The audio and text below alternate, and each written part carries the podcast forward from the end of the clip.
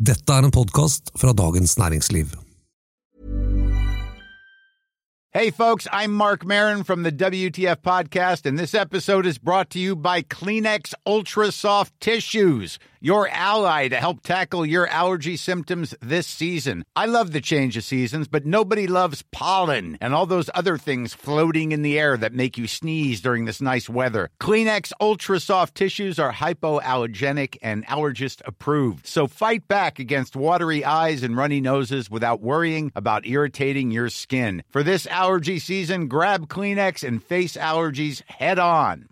Ready to pop the question? The jewelers at BlueNile.com have got sparkle down to a science with beautiful lab grown diamonds worthy of your most brilliant moments. Their lab grown diamonds are independently graded and guaranteed identical to natural diamonds, and they're ready to ship to your door. Go to BlueNile.com and use promo code LISTEN to get $50 off your purchase of $500 or more. That's code LISTEN at BlueNile.com for $50 off. BlueNile.com code LISTEN. Erna Solbergs spinndoktor gikk på trynet da Oslo fikk flere vaksiner. Hvorfor gikk dette så galt for regjeringen? Dette er den politiske situasjonen.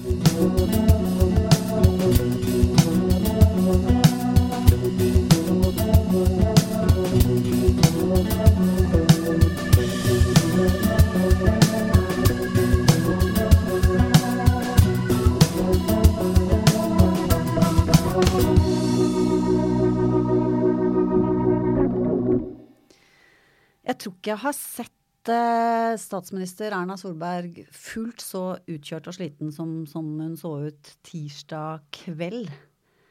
Det var jo da hun hasteinnkalte, eller i hvert fall ganske så hast, til en pressekonferanse. Og så skikkelig sliten ut. Jeg tenkte liksom hm, skal det her sparkes en statssekretær, eller hvordan er det? Ja, samme tanken her. Eh, både Hun var grå, altså. Ja, både innkallingen i hui og hast, midt oppi dette dramaet rundt ordføreren i Molde og statssekretær Peder Egseth, som driver med kommunikasjon, altså spinndoktoren Egseth. Eh, og dette som hadde kommet fram, at eh, han, eh, Molde-ordføreren hadde løyet om at han ikke hadde vært i kontakt med regjeringsapparatet før han gikk ut. og ja, Det var en suppe, og da hun begynte å snakke, så tenkte jeg at dette, denne måten å snakke på jeg har hørt før, det er når noen må gå. Eh, og det handler jo ofte da ikke om det de har gjort, men at ikke de har lagt alle kortene på bordet når de har blitt spurt om hva som har skjedd. Eh, men det endte jo ikke sånn. Eh, det var jo bare at han ble offentlig irettesatt. Og, Kraftig. ja, og underteksten var vel også at Erna Solberg nesten ba om unnskyldning for at regjeringen hadde vært med å fyre opp denne by-land-dimensjonen i vaksinefordelingsspørsmålet. Ja, både tonen hennes der, men så gjorde hun det jo også helt konkret seinere i en telefon til eh, Raymond Johansen. Ja. Som han jo da satte eh, behørig pris på. Ja. Som seg hør og bør. Ja.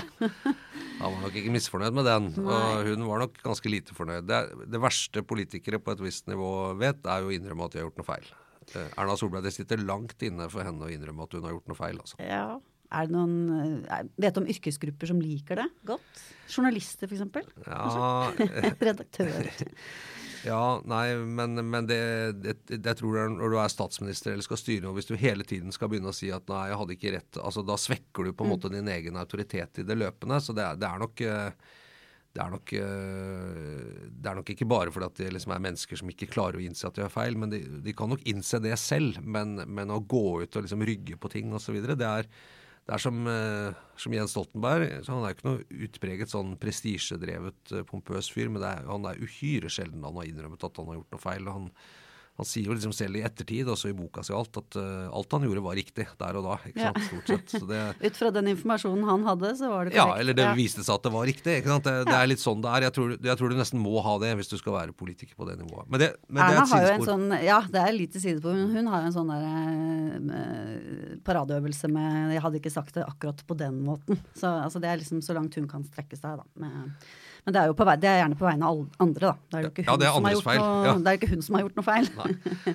Hun lar det skinne gjennom at hun syns de er på jordet, men, øh, men hun er liksom samtidig raus. Så det, det er jo en av hemmelighetene hennes. er jo med å holde dette ganske skjøre borgerlige samarbeidet sammen, er jo nettopp at hun, hun stiller jo veldig opp for folk. Både når de har sagt noe dumt eller gjort noe dumt osv. Det har liksom vært hennes rasjonale. Vi husker jo noen som har fått støtte der. Ja, vi gjør jo det. Men bare tilbake til Egseth også, for det er jo det hun gjør. Det er jo det hun gjør her òg.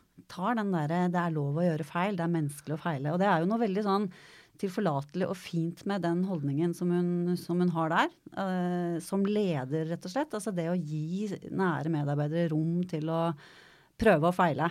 Og så kan man jo diskutere liksom, var dette en feil som var innafor det hun burde godta, eller var det altså en vurderingsevne eh, og liksom feilvurdering som var såpass eh, graverende at hun burde begynne å lure på er han er han min, den rette spinndoktoren for Høyre mm. og regjeringen? Mm. Det skal vi prøve å nøste litt opp i før det, denne sendingen. Jeg vil bare legge til at jeg tror grunnen til at denne pressekonferansen ble innkalt så fort, og at på en måte dramaturgien var så sterk rundt det, og det blir jo når alle skal stille spørsmål ikke sant, og direktesendt TV osv., det tror jeg var uh, at man begynte å se at uh, her var det for det første litt flere telefoner, litt flere ordførere. Det var en del informasjon som ikke var kjent, men som kom til å bli kjent fordi flere redaksjoner nå var inne og spurte om innsyn og, og spurte om forskjellige ting og begynte å grave i saken. Og man kunne risikere at dette her trakk ut nærmest i et sånt uh, sånn oppholdende strid tilbaketog hvor det hele mm. tiden kom nye ting. Og hvorfor sa du ikke det, og hvorfor sa du ikke det, og nå viser det seg det er sånn, osv. Han hadde jo snakket med flere. ikke sant? Det kunne liksom lett ha blitt ikke bare han, men også han. og Her, her ville på en måte Erna Solberg ha alt på bordet og, og legge det fram. Det var helt tydelig. Ja, hun var proff, ikke sant? Være i forkant. Ja, ja. Nå bare tømte bøtta, mm. og sa her er all dritten, liksom. Uh, og nå er det ikke mer å finne. Og det, vi har ikke sett at noen har klart å finne noe mer etterpå heller. Så, så det, sånn, det, var faktisk sånn kommunikasjonsfaglig mm. ganske lurt. Og så er det meg som har reagert ja, det er over, liksom overkill og, og dette er altfor mye oppmerksomhet osv. Vel, det er klart, dette var altså, Det er ikke sikkert det er så viktig sak, men det var en ganske stor sak der og da. Men jeg tror det var altså sånn, sånn eh, politisk og kommunikasjonsfaglig var det veldig lurt å bare få tømt hele saken ut sånn at den er ferdig. Eh, for hvis ikke så hadde de risikert at de hadde bare blitt kjørt og kjørt og kjørt på denne saken. Og plutselig er det en som sier noe som ikke viser seg å være riktig i ettertid, og da er du ferdig. Men den er ikke uviktig heller, ikke sant? for den gikk jo rett inn i, en, i mange Eller i en, den store betente konflikten i landet nå. By og land og vaksiner og fordeling. Ikke sant? Uh, ja. Og du har jo også Høyre versus Arbeiderpartiet her. Og det er, det er mye det er, ma, det er mange grunner til at det ble så eksplosivt. Og det var vel det vi tenkte vi skulle prøve å gå litt tilbake. Når ja. det begynte egentlig, denne historien. Eller e, et sted vi kan si at den begynte. Ja, det var det beste spørsmålet jeg lærte av min, en av mine journalistiske mentorer da jeg var uh, yngre. Enda yngre. Enda yngre. Han han sa hvis du sitter i et radiostudio og du ser at du har mye igjen på klokka, og du lurer på og tenker hva, nå har jeg egentlig ikke så mye mer å spørre om, så sa han da kan du alltid spørre spørsmålet hvor langt tilbake i historien må vi for å forstå det som skjer nå? ja, det kan ofte bli langt. Det var uh, Sverre Tom Radøy, som er programleder i Dagsnytt 18, som lærte meg det. det er, men det er jo et veldig godt spørsmål, faktisk. Det er jo et veldig interessant spørsmål. Uh, uh, så hvis vi, hvis vi, stiller det nå, da, hvor langt tilbake må vi for å forstå det som skjedde nå denne uka? Hva tror du? Nei, altså Det kommer an på tolkningen av det spørsmålet. Vi kan jo gjøre det litt enkelt for oss selv og kanskje begynne f.eks. i midten av forrige uke. Ja. Da du kjørte bil på vei fra fjellet. Nettopp. Det gjorde jeg da jeg kjørte hjem fra fjellet eh, og hørte på Dagsnytt 18. Eh, og da var Camilla Stoltenberg i Dagsnytt 18, og, og temaet var eh, vaksinefordeling. Altså en mulig ny eh, skjevfordeling mellom eh, smitterammede områder, altså i klartekst Oslo, eh, mm. og resten av landet. Og Folkehelseinstituttet hadde fått i oppdrag å eh, utrede eh, om man skulle fordele vaksinene litt annerledes enn det man har gjort til nå. Uh, og uh, tror det var hun Gry Veiby som var i studio der, spurte Camilla Stoltenberg uh, nå er dere i gang med å gjøre det, og hva har dere kommet fram til? Og da ble Camilla Stoltenberg ganske stressa. Og det har jeg ikke hørt så mye. Hun var litt sånn Ja, det kan jeg ikke si noen ting om. Uh, vi er ikke ferdige engang, uh, og sånn. Det viste seg at de da var ferdige med dette bare litt senere på kvelden. Uh, og vi kommer antakeligvis ikke til å si noe om hva vi har levert til regjeringen, for dette er sånn og sånn. Og, og jeg tror det var sånn, mye å gjøre akkurat da, altså. Ja, så ble jeg litt sånn Men hvorfor er hun så virker så nevrotisk på akkurat dette? Hvorfor ble hun liksom så veldig sånn kantete på, på at mm. dette skulle ingen vite noe om, osv.? Det, og da ble jeg litt interessert i hva er det egentlig de kommer med i den anbefalingen som gjør at hun uh, på en måte var ikke så sånn uh, suveren som det hun pleier å være. For det var ikke så vanskelig spørsmål å svare på, egentlig. Det var bare noe med tonen. Da ble jeg interessert. Mm. Og så skjønte vi jo når, når, dette her kom, og det har jo kommet fram nå hva som sto der, at uh, det var jo ganske eksplosive greier, Eva, det som ble levert. Ja, det var jo egentlig det. fordi at uh, absolutt hele veien så har jo vi kjørt denne uh, likt fordelt uh, vaksine til alle i hele landet basert på antall eldre og sårbare, ikke sant. det har jo til og med gjort at Oslo, som jo har hatt det største smittetrykket og, og den verste nedstengningen, har fått, fått, færre vaksiner sett i forhold til folketall enn en resten av landet fordi Eh, eller i hvert fall eh, de fleste steder steder resten av landet, fordi at, fordi at, det er såpass mange unge som bor der. ikke sant? Akkurat som det er i andre store, store byer også. Nå eh, har man jo begynt å få fordelt, eller nå har man jo begynt å få vaksinert disse mest utsatte gruppene. Og dermed så endrer bildet seg noe. Og det er vel det hovedargumentet FHI bruker for at de rett og slett nå åpner for en, eh, en skjevfordeling, da, som de kaller det. Det kunne jo se ut som eh, Raymond Johansen, byrådslederen i Oslo, nærmest hadde håva inn en seier nå med det nye eh, forslaget eller rapporten som kom fra FHI. For nå var det snakk om å gå vekk fra den strategien, som jo har vært kontroversiell, ikke sant.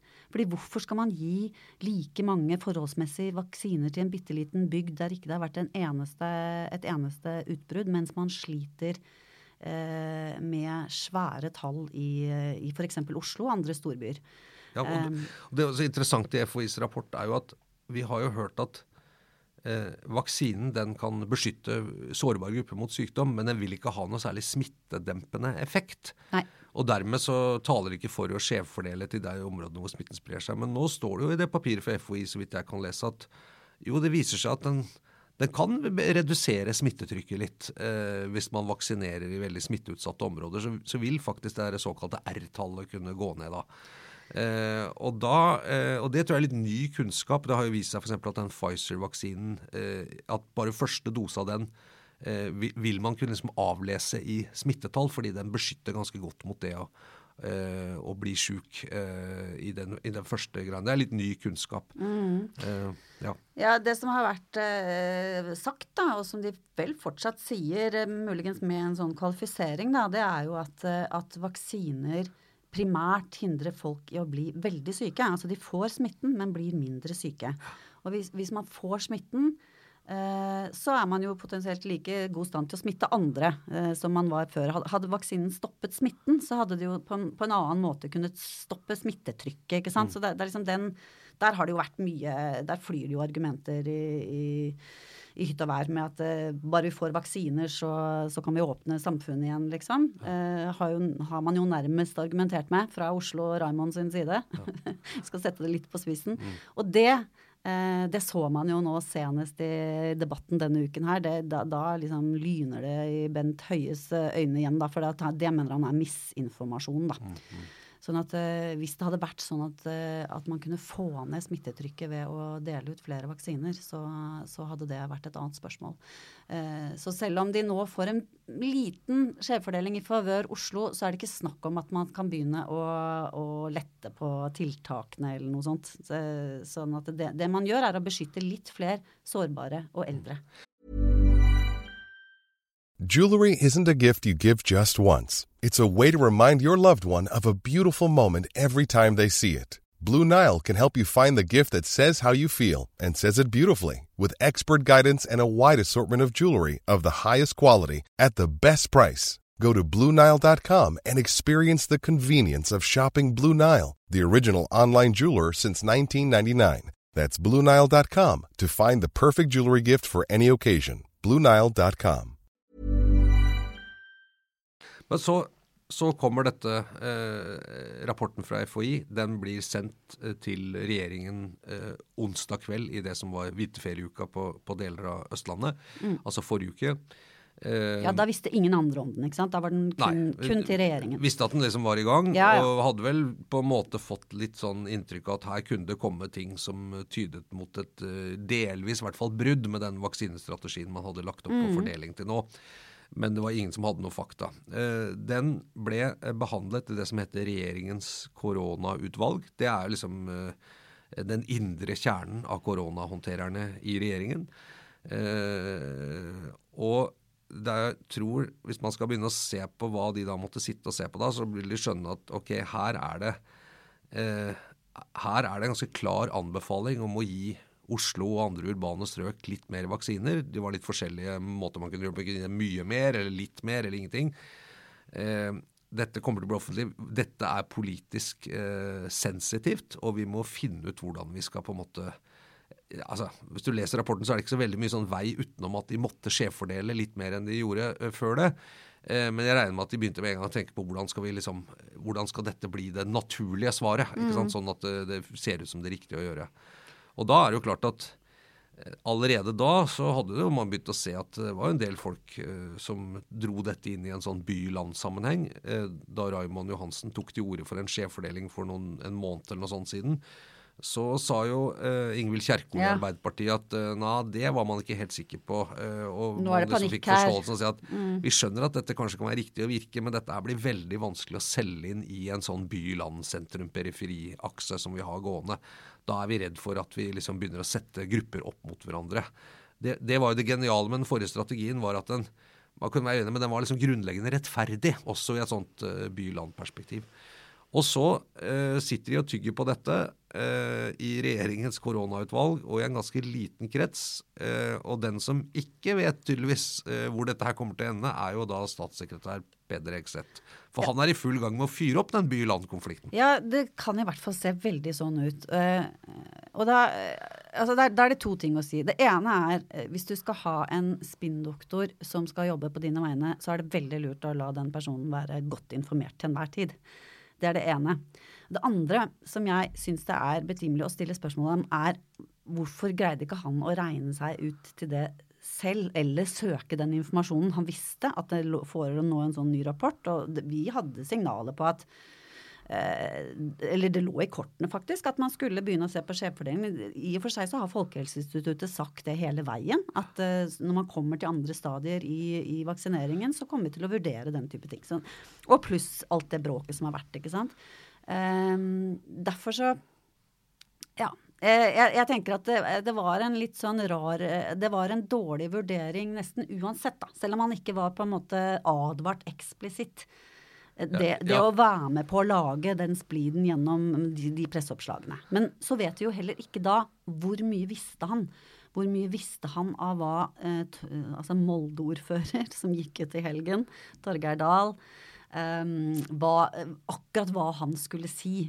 Og det får vi heller ikke vite, for der Det vil ikke Erna uh, offentliggjøre. For dette er partikommunikasjon. Ja, ja, Og ikke SMK eller regjeringskommunikasjon. Nei, sant, snak, det er veldig snakket, interessant. Uh, snakket til ordføreren på manus fra SMK, eller, eller uh, ringte han og var sånn Skal jeg liksom dra til litt mot Raymond? Og, og så ble det bare altfor mye. Ja. Uh, han bomma jo. Han bomma jo ganske Han feilleste jo situasjonen.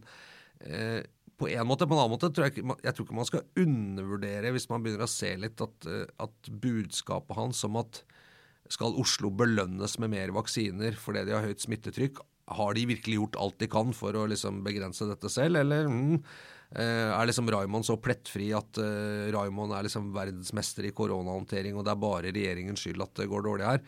Uh, jeg tror nok det, den det Det er mye sans er for det Ja, men det er nok det omstridt, det der, der om liksom Oslo skal belønnes med mer vaksiner fordi vi har, eh, Ja, fordi vi har my eller fordi det er mye smitte her. Uh, og jeg tror han har mye mer sympati enn det vi kanskje kan uh, få inntrykk av uh, på, ja, fra pressen og andre steder. Da. Det, det tror jeg faktisk. Men jeg tror også at kanskje det finnes en del folk som, som reagerer litt på den retorikken med at det er snakk om å belønne. Altså at, at det, da er det jo implisitt at, eh, regjering og helsemyndigheter tenker ikke på hele landet. De tenker ikke på færrest mulig dødsfall over hele landet, men de tenker på en sånn give and take, og nå skal vi gi litt presanger dit og hit og Altså det er, en sånn, det er en slags litt sånn fordummende mistenkeliggjøring av eh, helsemyndighetene, mener jeg da. Sånn at den er litt sånn drøy. Ja, du ville ikke brukt akkurat de ordene. Jeg ville ikke brukt akkurat de ordene. Men, eh, men, men dette, dette, er jo, dette er jo det jeg syns er veldig fascinerende med politikk, Eva. Det er jo at, eh, at politikk handler av og til om å sette ord på eller ting som på en måte er det litt mer sånn smålige i oss. Og liksom det nullsumspillet. Absolutt. Å ja, skal de få noe som ikke jeg får? Eh, ikke sant? Eh, altså det er liksom det er der veldig mye av det politiske engasjementet ligger. Og vi vil helst kanskje ikke være sånn, vi vil være rause og sånn frem og tilbake, men vi liker litt å få kilt den derre eh, å ja, men hvorfor skal de få det, hvis ikke jeg får det? Altså det er, det er ganske sånn, det er utrolig potent Eh, og helt grunnleggende eh, sånn eh, politisk engasjement som ligger i det. Mm. og det, det, er jo litt det man kan altså, si Noen sier sånn Ja, men hvorfor skal vi liksom en stor sentrum, periferi eller by- og landkonflikt i Norge? Vi har, er jo et ganske sånn jevnfordelt land. Nei, men det handler liksom om den oppfatningen. Å ja. Altså som jeg av og til blir sånn Nærmest så skal, skal, skal folk i Oslo eh, si at å, nå får dere det der mastodonten av sånn glass og stål regjeringskvartal som gjør at det blir umulig å bevege seg i store deler av Oslo sentrum. Og da, og da, er dere veldig heldige, nærmest som om folk i Oslo har bedt om det. Skjønner du hva jeg mener? Mm. Eh, inn i en sånn ting. Men og den, den er, er, farlig er, også her, ikke sant? Ja, det er klart at det er, eh, det er god politisk retorikk å spille opp de tingene der. Men, men, jeg tror også at det kan slå kontra. Det gjorde det jo i dette mm. tilfellet her, tror jeg selv. Altså det, fordi han gikk såpass langt. Og, og, den store tabben var jo selvfølgelig det at han, uh, at han antydet at Oslos befolkning uh, ikke gadd å følge viktige smittevernregler. Ja, ja. Og, da, og det, der var han raskt ute og trakk det tilbake osv. Så videre. så, sånn at uh, men så politisk sett var det som var, jeg synes var utrolig klønete, det var at en Høyre-ordfører på Vestlandet er et ganske viktig område for Høyre, altså. Eh, han ordlegger seg på en måte som ville vært et godt argument hvis regjeringen sa vi kommer ikke til å skjevfordele. Ikke sant? Vi ser på FHIs rapport, men vi står på den strategien som var fra før av. Men nå ble han jo en opponent til det Erna Solberg ja. sa ganske kort tid etterpå, eller Bent Høie var det som sa det, nemlig at nå er det på tide at Oslo får litt mer vaksiner. Stikk i strid med hva Høyre-ordføreren i Molde mente var riktig. Ja, ja.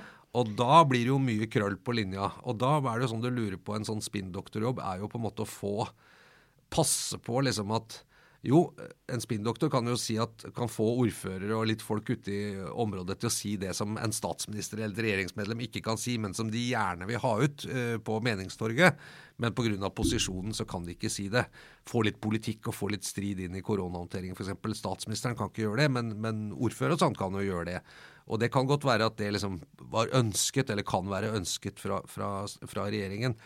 Men i dette tilfellet så ble det jo Eh, så hang det jo ikke på greip. ikke sant? Og det er jo, da tenker jeg det er jo det som Exit bomma litt på. at Målet er jo å lage et slags narrativ og en debatt som støtter opp under at den regjeringsbeslutning om en viss, relativt, en relativt mikroskopisk da, skjevfordeling, eh, at det er liksom det rette svaret på den utfordringen vi har nå. Timingen var veldig, veldig spesiell, det må man kunne si. men, eh, men, men, det er jo et det er jo et uh, interessant spørsmål det også. I hvilken grad var dette uh, ønsket fra regjeringen? Det, det, å liksom ha en litt sånn uh, trigger-happy spinndoktor som fikser ting, det er jo sikkert veldig bra, ikke sant? Men så er det det å holde seg innafor til enhver tid. Uh, som blir ikke sant? Han, eh, hun fikk jo spørsmål om det på pressekonferansen fra TV 2. Eh, I hvilken grad var det du som på en måte Eller ønsket dere at han skulle gjøre denne type ting? Altså hva, hva, var, eh, hva var, din rolle oppi dette? Og det er et godt spørsmål. fordi at uh, det, er jo, det, er jo, sånt man kanskje ser litt gjennom fingrene med, ikke sant. Og så, så går man på trynet, og da Ja, så blir det hasteinnkalte pressekonferanser og diverse. Og tilgivelse. Ja, det er en, det er en, ikke sant? Det er en være sånn spinndoktor For meg, sånn, hvis du summerer Jeg tror Eller sånn som jeg oppfatter så er det du prøver å skape en slags offentlighet eller virkelighet som er konstruert på en måte hvor din sjef kommer best mulig ut av det, eller ditt parti. Altså at, de tingene som diskuteres, er da på en måte der hvor du føler du har de beste svarene, eller som du kommer best ut av. Og Det, det dreier seg om liksom å vri og vrenge på virkeligheten, få saker på dagsordenen som mener er fordelaktige for deg selv, eller for din side, eller eventuelt negative for de andre, osv. Eh, og, så, og det er et ganske sånn eh, kaotisk game, ikke sant. Det, det er jo uoversiktlig, men det må også ligger jo en medievirkelighet som vi lever i nå, hvor ting går så fort at det må også skje i veldig høy fart. ikke sant? Og da blir jo risikoen for å gjøre feil veldig stor. Mm, jeg tenker at Det var jo en risikabel ting å bidra til, helt uavhengig kanskje av den der endrede strategien også, med tanke på at Erna Solberg er jo nå ikke bare liksom vanlig statsminister-landsmoderposisjon, hun er på en måte koronalandsmoder. ikke sant? Hun er enda mer regjeringen, og i hvert fall hun og Bent Høie og et par til, er liksom enda mer sånn skal alle ta, ta, ta i vare av alle osv., og, så videre, og mindre partipolitiske. Mm. Sånn at det han da liksom under eh, overflaten driver med, er å, å yppe til strid eh, partipolitisk, mens, mens Bent Høie og Erna Solberg liksom hele tiden prøver å si at vi tenker på hele landets beste, vi må se helheten osv. Det er noe, det er noe ja, paradoksalt der også, da, med rollene som landsmoder versus partileder, ikke sant? Ja, da så er det jo den uh det eh, er jo også den derre eh, det, det, er jo ikke, tror ikke man må, man må, ikke stikke Eller det er ikke til å skjule, i hvert fall ikke eh, her hvor vi sitter i Oslo og andre steder, at eh, Nå så jeg Aftenposten hadde en sak om at det kom langt færre vaksiner eh, til Norge i februar enn det FHI hadde regna med i sine scenarioer. Det er underlevering på 100 000 doser eller et eller annet sånt. Så sier de ja ja, men nå skal det komme, nå skal mm. det komme. Eh, dette har jo gjort, og vi husker jo fortsatt liksom første stikk ble satt i romjulen, og det var direktesendt på TV. og Da tenkte vi ok, nå løsner det etter juleferien. Det blir litt bakrus i januar.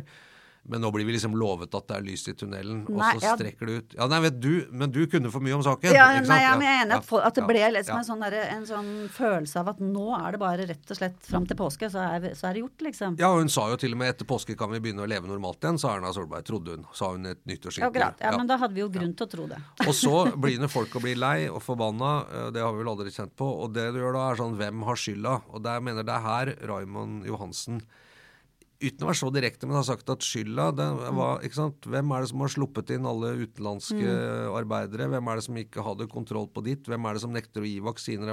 Mest, ikke sant? Skylda ligger der. Sånn og, sett har han hatt en viktig rolle, for jeg har jo ikke vært for mye kritikk. Ja, og da blir det politikk, ikke sant? Ja. ja og så sier regjeringen at vi finner oss ikke i disse beskyldningene, vi vil ta igjen, ikke sant. Eh, så var det bare feil tidspunkt. Men ja. Men det var en, det var en uhyre interessant interessant eh, øvelse, fordi at den, den, rev på en måte litt eh, det derre sløret av alt det som foregår bak. Og man har liksom tenkt at mm. koronahåndtering er så apolitisk ja. og bare verdig og nærmest bare sånn faglig og Vi kan ha faglige debatter. Men her ser du på en måte hvor mye politikk som ligger bak og koker, og nå piplet det opp til overflaten, og da ble det jo bråk. Ja, og Apropos det, så tenker jeg også at det var politisk umulig av en annen grunn også for regjeringen å ikke følge eh, FHIs nye råd. For de har vært veldig, antagelig veldig bevisst på at når det gjelder vaksinering, så følger vi de faglige rådene. Enda mer enn i andre smittevernfaglige spørsmål. Mm. Og det har nok vært også for å slippe sant, alle de diskusjonene. Sånn at hvis, hvis, når FHI nå gikk inn for dette veldig beskjedne, som i og for seg eh, er snakk om Det er ikke snakk om veldig stor eh, skjevdeling i det hele tatt. Eh, så var det ikke noe annet valg enn å, å gå for det. Man, det er jo nesten så man lurer på er det mulig for, om, om, det har gått liksom en sånn liten beskjed, er det mulig for dere FHI, vær så snill å foreslå et sånt, eh, et sånt, et sånt eh, tiltak som liksom ikke smerter noe særlig, men som allikevel gjør Raymond litt glad, og som ikke opprører distriktene altfor mye. I hvert fall så ser det ut som det kanskje kan ha funka sånn, altså. Jeg, så jeg skal beskylde Camilla Stoltenberg og folkehelsen Hi, I'm Daniel, founder of Pretty Litter. Cats and cat owners deserve better than any old fashioned litter. That's why I teamed up with scientists and veterinarians to create Pretty Litter. Its innovative crystal formula has superior odor control and weighs up to 80% less than clay litter. Pretty Litter even monitors health by changing colors to help detect early signs of potential illness. It's the world's smartest kitty litter. Go to prettylitter.com and use code ACAST for 20% off your first order and a free cat toy. Terms and conditions apply. See site for details. Hey, it's Paige DeSorbo from Giggly Squad. High quality fashion without the price tag? Say hello to Quince. I'm snagging high-end essentials like cozy cashmere sweaters, sleek leather jackets, fine jewelry, and so much more. With Quince being 50 to 80% less than similar brands. And they partner with factories that prioritize safe, ethical, and responsible manufacturing. I love that. Luxury quality within reach. Go to quince.com slash style to get free shipping and 365 day returns on your next order. Quince.com slash style. Instituttet for å være politisert. Men, Eh, men de er ganske gode til å komme med alternativer som er politisk spiselige, det må jeg si. Ja. Og, jeg tror, og det tror jeg er en styrke. Og de jobber jobber på oppdrag. Ja, men så tror jeg det er en styrke eh, med Folkehelseinstituttet og under ledelsen til Camilla Stoltenberg faktisk er at, å si at, at de faktisk forstår den politiske dimensjonen også i pandemihåndtering. Mm. Eh, Istedenfor eh, f.eks. i andre land hvor man sier at dette er bare faglighet osv. Og, og, og, sant, og trumfe nevner i gjennom- fleng. Ja, nevner i fleng. Vårt naboland f.eks. Men, men, men, eh, så det er på en måte si, en slags positiv, eh, i hvert fall politisk bevissthet at faglige råd, og dessuten det er nesten dette er så ukjent grunn at det å skulle liksom faglig si at dette er vi helt sikre på, her får du en ren faglig Det, Mm, Det er nesten ikke. umulig. Nei, det gjør ikke det. Og så der har hun jo også vært god, egentlig, å Ja. innrømme det. Sånn at, og det. Og det inngir jo faktisk tillit. Og det er, det ganske sånn bra gjort å kunne være så åpen om usikkerhet og allikevel inngi tillit. Det, det er egentlig en ålreit ting. Ja. Eh, nettopp. Usikkerhet er en styrke, ikke sant. Ve- Til slutt, eh, hvem er på en måte Hvem er spinndoktorukas vinner, og hvem er spinndoktorukas taper? Raymond har vel vunnet Han kunne jo ikke si annet, i hvert fall. altså, ja, det var jo veldig glad for at vi begynner å tenke på denne måten, og det var ikke så mye, da. Men, altså, men nå har vi liksom Han, han syns det er en sånn åpning av tankegangen at smittetrykk kan føre til flere vaksiner. Sånn at eh, hvis det er noen vinnere, så er det vel kanskje han litt, da? Eller hva tenker du? Jo, jeg ville kanskje også tenkt det. Og på en måte når du først har åpnet den døra, selv om det nå er veldig beskjedent eh, hvor mange flere doser eh, Oslo får, eh, eller og utsatte steder, enn på bekostning av de andre, så er det jo sånn at hvis det har effekt, så kan det hende faktisk når, når vi kommer litt lenger i programmet og veldig flere av de sårbare gruppene er, er eh, vaksinert, og hvis smittetrykket fortsatt er høyt i, i bydeler i Oslo eller andre steder, at, at dette skjevfordelingsprinsippet, og at det, blir en litt mer sånn nå skal vi bruke et veldig fint ord, dynamisk Ja. allokering av vaksinedosene. Dynamisk allokering Ja, er vi, sant? det er vi Ja. for. Ja. ja. Det, det er en støtter dynamisk allokering Ja, av ressursene. Ja. Uten tvil. Eh, Taperen, eh, ja det trenger vi vel ikke å nevne det. Jeg tror vi vel vi har summert opp hvem Vi har det det. er. Har vi ikke det? Jo, jeg tror det. Eh, dette var så langt vi kom i den politiske situasjonen eh, denne uka. Eh, dette er en podkast fra Dagens Næringsliv som er laget av Eva Grinde og Fridtjof Jacobsen. Og vår produsent heter Oskar Bremer. Eh, hvis du liker det, så trykk gjerne abonner i din foretrukne podkast teknologiske leverandør. Eh, ja, alloker oss dynamisk der hvor det passer. God helg.